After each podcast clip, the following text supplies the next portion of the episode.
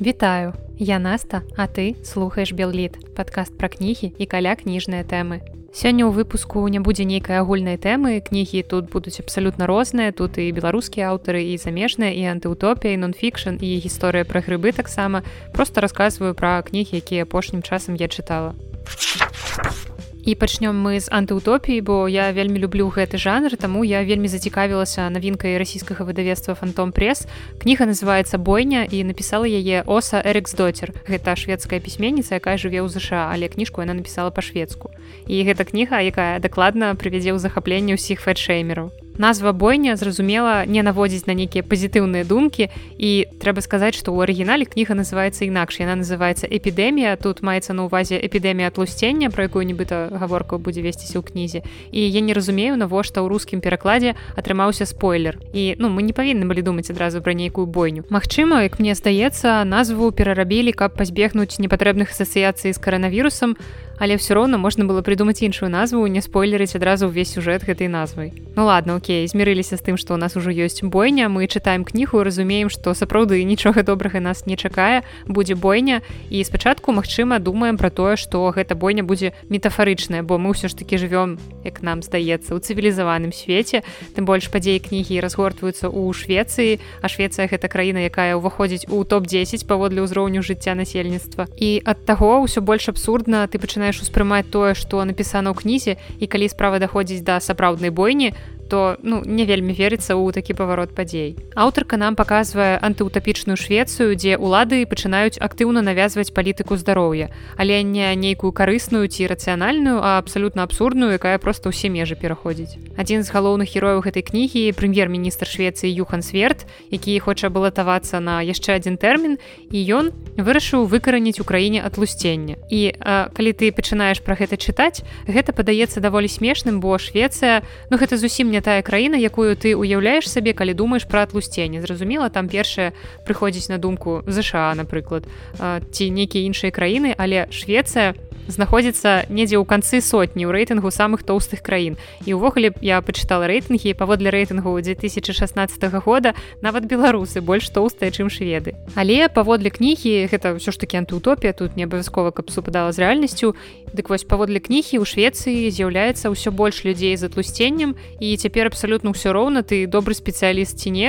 Калі твоя вага перавышае нейкую вось норму то цябе могуць просто звольніць з працы. І мы звыклі да такой штукі як індекс масы масы цела і вось ён э, знікае таму што ён нібыта не адпавядае сітуацыі ён нейкі састарэлы лічыцца і ён замяняецца на тлушча мышачную квоту і ўсе дадзеныя пра здароўе кожнага чалавека кантралююцца і вось такое цудоўнае ветлівае паведамленне чалавек атрымлівае калі яго квота вышэй за норму Согласно нашему регистру, ваша ЖМК на сегодняшний день составляет 54, что значительно превышает ВГН-42, верхняя граница нормы. Чтобы сохранить вашу должность в Упсальском университете, вы должны довести уровень ЖМК до приемлемого. В вашем распоряжении три месяца. І калі вам нават цяпер здаецца, што свет проста звар'яцеў на здаровым ладзе жыцця, то ў кнізе палітычная партыя сверда яшчэ больш гэта гіпербалізуе. Атмосфера в университете изменилась. В столовой уже не говорили о Расселе, Хомском, Элиоте. Главным предметом споров стала жратва. Что можно есть, а что нельзя – А уж если съел, какой нужен тренинг, чтобы побыстрее от съеденного избавиться. І тут змены закранулі не толькі дарослых, але і таксама дзяцей. І мы на філфаку калісьці жартавалі, што галоўны прадмет у нас фізкультура, таму што калі ты па ёй залік не здасі, то будзеш мець больш праблемаў, чым калі не здасі нейкі там прадмет па спецыяльнасці, нібыта больш важны. І для шведскіх дзяцей гэта становіцца зусім не жартам. Там фізкультура, спорт, дыеталогія, здаровы лад жыцця, гэта ўсё становіцца галоўнымі урокамі. Хаця ўрад сцвярджае, што гэта ўсё часова новыя меры трэба толькі вось дачакацца пакуль усе дзеці прыйдуць у нармальную форму стануць худыя здаровы і толькі тады мы вернемся до нормальных урокаў идеология здоровья они называют ее идеологией но это тоже религия только лишенная надежды на спасение души вы будете счастливы но для этого надо похудеть и все оболочка сияет глянцем а за ней пустота І у мяне няма прэтэнзій да ідэй кнігі да яе праўдападобнасці. І оса сапраўды піша так добра спачатку што правакуе нас. Спачатку кніга вельмі чапляе таму што аўтарка піша пра сапраўды актуальныя рэчы. І ўвогуле вось вы уяўляеце наколькі прыбытковая сфера цяпер у наш час дыеталогія здаровы лад жыцця фітнесы ўсё што з гэтым звязанае. Бо са звычайнага клопату пра здароўе ўсё гэта ператварылася ў такую новую рэлігію. І гэта добра абыгрываецца ў кнізе калі з церкваў робяць фітнес-клубы Але мне ў гэтай кнізе не хапіла вастрыні нейкай дапрацаванасці. Яна ну даволі паверхнева падыходзіць да многіх рэчаў а развязка гэта ўвогуле такая аплявуха чытачу накшталт А чо так можна было? Бо надта лёгка ўсё у герояў атрымалася гэта там амаль практычна дэусэкс-махіна таксама вельмі важная мне не хапіла матывацыі галоўнага адмоўнага персонажа нам паказваюць гэтага прэм'ер-міністра юхана сверда ён вельмі памяшаны на тым каб пазбавіць свет ад атлусцення але нам не показваецца не тлумачыцца чаму ён стаў такі. У яго мусіць быць нейкая матывацыя калі гэта адмоўны персонаж чаму ён стаў такім фанатыкам невядома незразумела.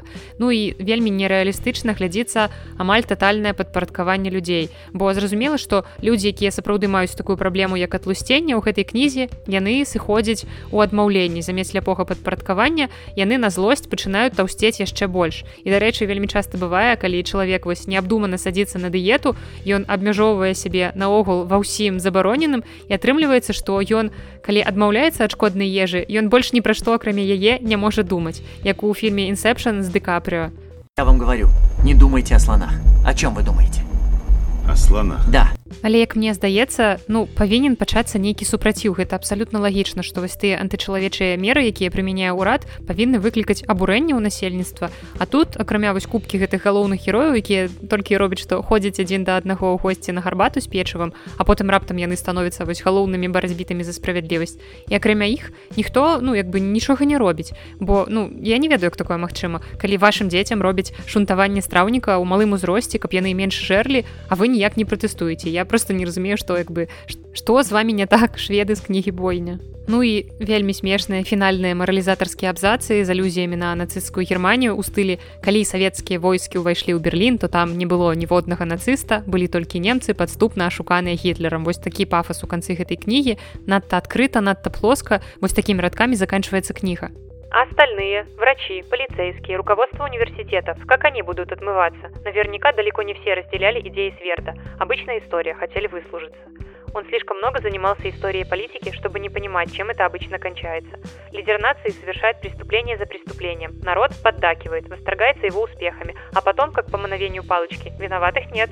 Ну, нам так говорили, нас так учили, мы ничего не знали, мы старались быть патриотами. Врете, все вы знали. Но дело даже не в этом, дело в ненависти. Ненависть живет в массовом сознании всегда. Надо только ткнуть пальцем и сказать «ату». Мерзавцы политики стараются этим воспользоваться, находят самых беспринципных пропагандистов и натравливают одну часть народа на другую, на иноверцев, инородцев, иностранцев, на якобы купленных этими коварными иностранцами оппозиционеров, на толстых, на худых, неважно. Ненависть, как таракан, даже если наступишь, продолжает ползти. Дарэчы, устаўка не па тэме. У вас таксама пасля слова злучэння беспрынцыпны прапагандіст у галаве ўзнік твар азаронка ці я толькі адна такая і такім чынам каб неяк усё гэта падсумаваць моя выніковая адзнака гэтай кнізе тры з паловай. Я люблю ставіць кнігам адзнакі і гэта не заўсёды нешта такое супераб'ектыўнае гэта вось мае абсалютна суб'ектыўныя погляды. Дык вось тры гэта заўжды ў мяне вельмі нейтральная адзнака. Калі я не магу сказаць што мне кніга спадабалася але я не магу сказаць што яна нейкая няякасная нейкая дрэнная. Ўсё што я стаўлю ніжэй за тры балы вось гэта тады ўжо так ёсць шмат пытанняў да кнігі. Але так гэтая кніга абсалютна цалкам я упэўнена што можа камусьці будзе спадабацца і ён не будзе чапляцца да нейкіх рэчаў якія мне падаліся ў гэтай кнізе мінусаў. І таксама я дадаю яшчэ 0,5 бала з гэтай кнізе за ідэю бо ідэя сапраўды ў ёй добрая вельмі актуальная але на жаль рэалізаваць гэта класна у аўтаркі на мой погляд не атрымалася. І антыутопіі вельмі добрая калі табе страшна іх чытаць бо страх гэта яшчэ адзін з законаў гэтага жанру. Але на жаль гэтага ў кнізе я не адчула. а крыху абстрагуемся ад антыутопіі нашай уяўнай будучыні і звернемся да цяперашняга часу і стану культуры ў ім Ракенрольны культуролог Максім Жбанкоў у сваёй новай кнізе бязлітасным культурным катком праязджае па беларускай культуры, па тым, хто гэтую культуру робіць і па тым, хто яе потым спажывае. І робіць гэта сапраўды бязлітасна, вельмі востра, каб мы не расслабляліся, каб не расслабляліся тыя, хто культуру стварае, але адначасова Жбанкоў гэта ўсё робіць з вялікай любоўю і з жаданнем для культуры рабіць усё больш і лепш. Зборнік слоумо, хатняя крытыка культурнага дызайну, які сёлета выйшаў у выдавестве Янушкевич, склад складаецца з эсэ на рускай і на беларускай мовах і закранае розныя з'явы айчыннай беларускай культуры апошняга дзесяцігоддзя. Гэта другая кніга аўтара пасля зборніка эсэ ноустайл белкульт между вудстакам і дажынкамі, якая выйшла ў 2013 годзе. І жбанкоў тут пачынае з феномена беларускай культуры ўвогуле, разважаючы пра тое, што яе аналіз і разбор за самой культурай не паспяваюць. Бо кіно, літаратура, нейкія іншыя з'явы культуры ў нас ствараюцца, але крытыка ніяк на іх не рэагуе. Культуру у нас не разбирают, в лучшем случае с ней дружат, либо борются, поскольку трактуют ее по старинке, как пропагандистский ресурс и инструмент народного сплочения вокруг очередной идеи. И зразумела, что все это не дзейнічае на корысть нашей культуры. Отсутствие адекватной экспертизы и внятных оценок делает культуру необратимо провинциальной и неспособной к качественному росту. И тут я вельмі згодная з аўтарам, бо як ствараць, калі ты не маеш фідбэку. Прычым нармальнага фідбэку не нейкіх там захопленых ці абураных каментарыяў ад простых чытачоў, гледачоў, слухачоў, але сапраўдных разбораў па фактах ад прафесійных крытыкаў, бо развівацца ў такіх умовах сапраўды ну амаль немагчыма. І жбанкоў шчыра піша пра тое, пра што многія баяцца прызнацца нават сабе, сваё не значыць, што яго нельга крытыкаваць. Бо аб'юзіўныя адносіны з уласнай культурай такія ж небяспечныя, як аб'юзіўныя адносіны ва ўласнай сям'і.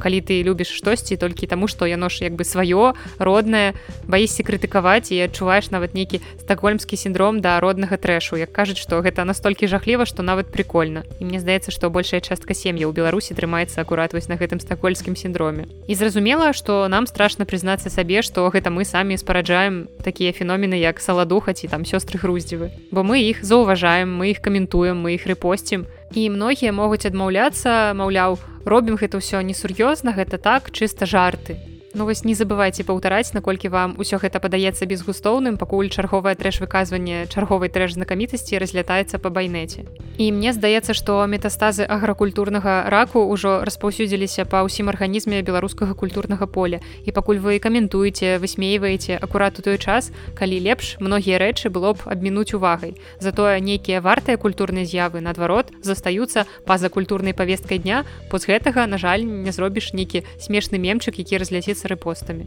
И хватит про то, что режим не тот и страна не та. Мы сами и есть страна. Мы ее живем, пока другие ее думают. Мы ее делаем, пока бредят телеканалы.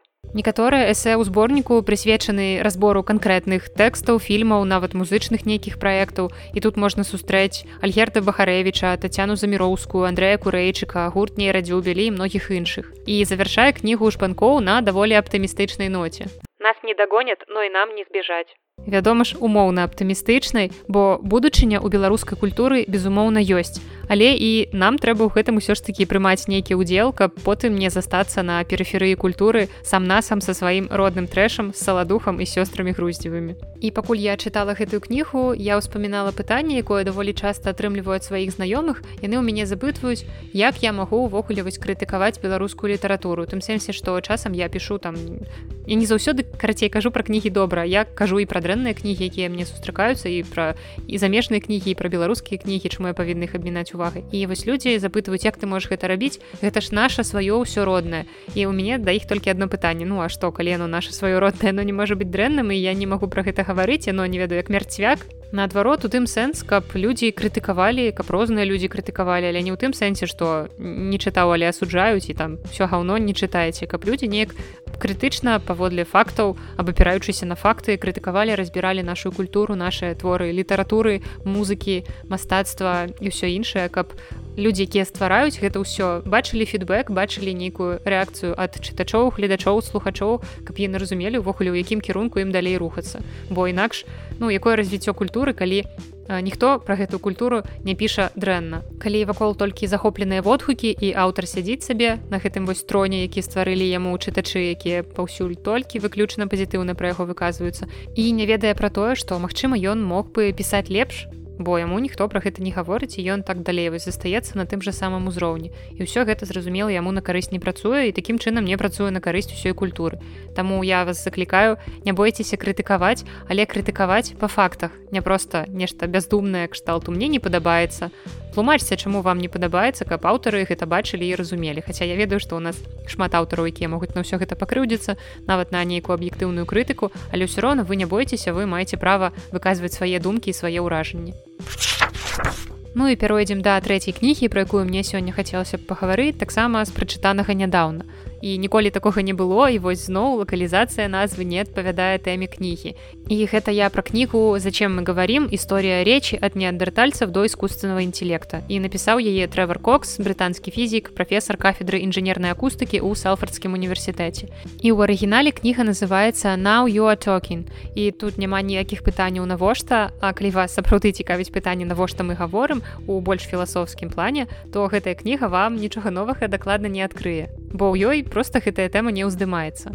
Але калі вы цікавіцеся будовай маўленчага апарата ў людзей ці ў жывёлаў некаторых, таксама механізмамі распазнавання голасу і свежымі адкрыццямі і распрацоўкамі ў гэтай галіне, то ў гэтай кнізе для вас дакладна ёсць парачка цікавых фактаў. Ну а я падзялюся некаторымі цікавымі фактамі для мяне, якія я з гэтай кнігі вынесла. Напрыклад, факт, які я як бы я даўно ведала, але вось тут цікавае пацверджанне знайшла гэтаму факту, што мы нараджаемся са здольнасцю вывучыць наогул любую мову. І гэта зразумела, што дзеці не нараджаюцца з веданнем нейкай там канкрэтнай мовы. І таму увогуле дзеці так хутка і якасна авалодваюць некалькімі мовамі, калі яны растуць у шматмоўным асяроддзі. І таму мяне заўжды весяліць кудахтанне альтэрнатыўна адораных бацькоў, якія кажуць, маўляў, нафіга нашым дзецям у школе беларуская мова няхай лепш вучыць ангельскую. І просто да іх не даходзіць што можна ж вучыць і рускую і беларускую і ангельскую і дзецям ад гэтага не будзе горш бо яны аднолькава лёгка ў такім узросце могуць вучыць некалькі моў. Ім гэта будзе давацца нашмат лягчэй чым дарослым. І ніводная з гэтых моў у любым выпадку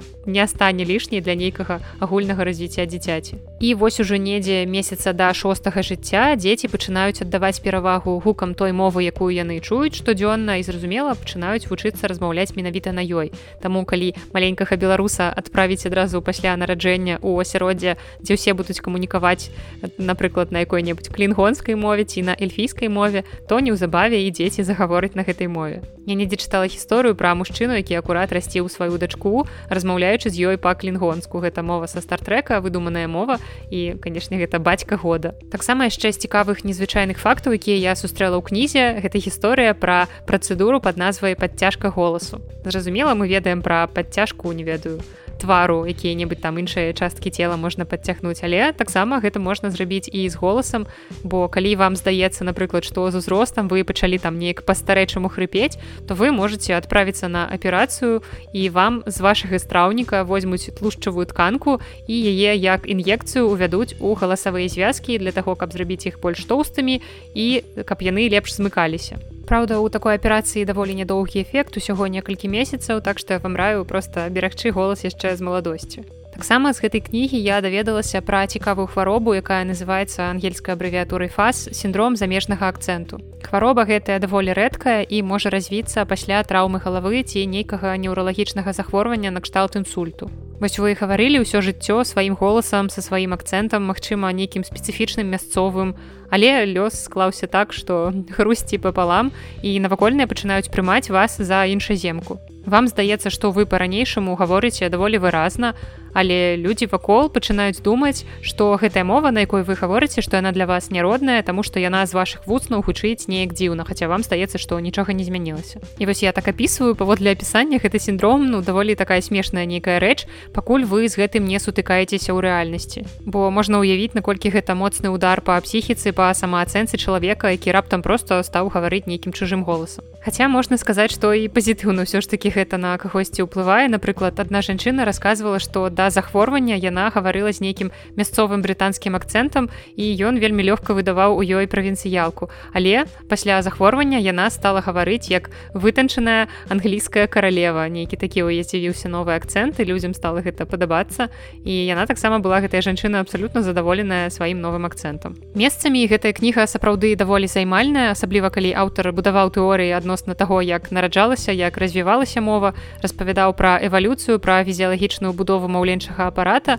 Ну а далей пачаліся нейкія сумныя такія не вельмі цікавыя не вельмі па тэме гісторыі пра тое ці здольны камп'ютар быць творчым. І таму гэтую кнігу я ўжо не тое каб вам усім раю просто таксама пачытайце ў інтэрнэце чужыя водгукі паглядзіце ці цікава такое вам ці зацікавіліся вы гэтай кнігай падумайце ці трэба вам чытаць яе. Рызыкуйце карацей самі толькі на монтажы папярэдняга выпуска я зразумела што ў канцы вам не расказала нейкую традыцыйную літаратурную ці каля літаратурную гісторыю таму сёння у падарунак вам будзе ажно дзве такія гісторыі і першая такая тэматычна восеньская бо зараз многія ходзяць у грыбы я таксама не выключэння я хадзіла нядаўна назбірала даволі шмат грыбоў а потым успомніла цікавую гісторыю звязаную акурат з грыбамі і з беларускай літаратуры як это не дзіўна. У 2012 годзе у цудоўнага беларускага пісьменніка Андрэя федарэнкі які выйшаў зборнік ланцуг у якім была надрукаваная у тым ліку і аповесць з кошыкам або гісторыя не напісаны аповесці і мяне вельмі зачапіла гэтая кніга цалкам яна даволі цікавая я нават пісала курсавую памятаю па адным з твораў з гэтага зборніка вось па акурат па аднайменным зборніку ланцуг і вось сама аповесць з кошыкам мяне зацікавіла сваёй вельмі класнай задумай і аўтарскай рэалізацыі мы назовём гэтую задуму пісьменніцкае какетства пачынаецца твор з таго што федарэнка а гэта аповесць аповесць аўтабіяграфічная федарэнка з намі дзеліцца ідэяй твора якую ён вельмі даўно выношваў але ўсё неяк не было часу не мог сабрацца з тым каб неяк яе рэалізаваць. А яму хацелася напісаць пра грыбы і ўвогуле грыбы мне здаецца у беларускай літаратуры гэта такая даволі распаўсюджаная штука. Многія нашы пісьменнікі дзеляцца ў фейсбуку сваімі рознымі грыбнымі рыбнымі уловамі і вось аднойчы федарэнка атрымаў з Масквы часопіс дружба народаў і ў гэтым часопісе быў апублікаваны пераклад яго апавядання. І далей вось што піша федарэнка але ледзь толькі я прабег вачыма змест на вокладцы так на тое апавяданне забыўся. Іншае кальнула ў сэрца. Невядомы барыс васілеўскі. Аповесць апошняе паляванне з-пад загалоўкам сёе тое з жыцця грыбоў а заадно і людзей ну акей ну напісаў чалавек апавяданне пра грыбы ну і напісаў колькі ўвогуле тых апавяданняў пра грыбы напісана чаго так пераймацца. Але я думаю што многія з вас сутыкаліся сітуацыі калі бачылі сваю думку рэалізаванай у кагосьці іншага. І для пісьменніка гэта ўвогуле вельмі балюча. І вось чытае федарэнка апавяданне гэтага невядомага васілеўскага і здзіўляецца наколькі дакладна гэты расійскі аўтар выразіў яго ўласныя думкі я бачыў перад сабою уласную будучую аповесць толькі чужым прозвішчам падпісаную. Ды яшчэ выкананне было лепшае чым магло б быць у мяне. І тут акурат пачынаецца вось тое пісьменніцкае какетство якое я згадала вышэй. Аўтар пачынае гэтыя думкі што што ж гэта робіцца такое. Ён напісаў мой твор яшчэ такі цудоўны куды ўжо мне ах чаму я не аўтар гэтага твора. Федарэнка працягвае чытаць твор васілеўскага дзяліцца цытатамі з яго. Але што ж мы ўсё ж такі бачым паралельна з гэтым федарэнка піша свой уласны твор пра грыбы Ён дадае да твора васілеўскага ўласныя дэталі, хаця ён працягвае ўсё яшчэ бедаваць, маўляў, такую ідэю вось з рук выпусціў іншы пра яе напісаў. І ўжо ўвось у працэсе чытання чужога гэтага твора васілеўскага федарэнка пачынае разумець, што многае ў гэтым творы супярэчыць яго поглядам, ведам нейкім пра грыбы і федарэнка нават пачынае з аўтарам палемізаваць. І менавіта з гэтага нараджаецца тая самая ненапісаная аповесць з загалоўка і што мы бачым у выніку? Мы бачым выдатную гісторыю ад грыбніка якая можа захапіць нават людзей якія далёкія ад гэтай справы бо пісьменнік вельмі сакавіта з вялікай любоўю расказвае напрыклад пра чарвівыя лісічкі і скончыць гісторыю пра Андрэя федарэнку і грыбы я хачу простай мараллю. Не бойцеся пачынаць. Нават калі вам здаецца што ў гэтай сферы у якой вы плануеце развівацца мноства людзей мноства ідэй нейкіх прапаноў тавараў на рынку. І магчыма менавіта вас вашага новага свежага погляду там не хапае. Таму не бойцеся і рабіце тое што вам хочацца. а Ну і другая гісторыя, як я абяцала, але яна зусім кароткая, але яна здарылася літаральна некалькі дзён таму у мяне на працы і мне ўзняла тады вельмі моцна настрой. І я вам абяцала таксама, што перыядычна ў выпусках будуць так званыя гісторыі з кнігарні з месца маёй працы. І вось сённяшняя гісторыя акурат адтуль і яна трошкі крыважэрная. Гэты панядзелак у мяне ўвогуле нешта ўвесь пайшоў вельмі крыва, але потым да нас у кнігарню завітала мілая жанчына і сказала: Здравствуйте, я за частями человеческого тела, как бы страшно это ни звучало. Справа ў тым што раніцай гэтая жанчына нам тэлефанавала спытала ці засталася ў нас яшчэ там энцыклапедыя пра чалавечае цела бо яе сыну яна вельмі спадабалася і яна яму абяцала што зарплаты е абавязкова купіць. І вось яна патэлефанавала раніцай каб забраніраваць гэтую кнігу і пасля працы акурат па яе прыйшла. І мой дзень стаў значна лепш ад усведамлення таго што я пакуль яшчэ ўсё ж чалавечае цэлае а не часткі чалавечага цела і ўсё астатняе заўжды можна паправіць і як заўжды я заканчиваю выпуск на вельмі вельмі жыццесцвярджальнай ноце. Я спадзяюся што сёння вам было са мной цікава. Но ў наступным выпуску вас чакае цыкл сёлета дзе мы пагаворым пра адзін твор беларускай літаратуры які ёсць у школьнай праграме і які сёлета святкуе свой юбілей які гэта твор вы даведаецеся ў наступным выпуску. А спасылкі на ўсе кнігі традыцыйна ў апісанні да выпуску. Я развітваюся. З вами была наста і падкаст белліт да сустрэчы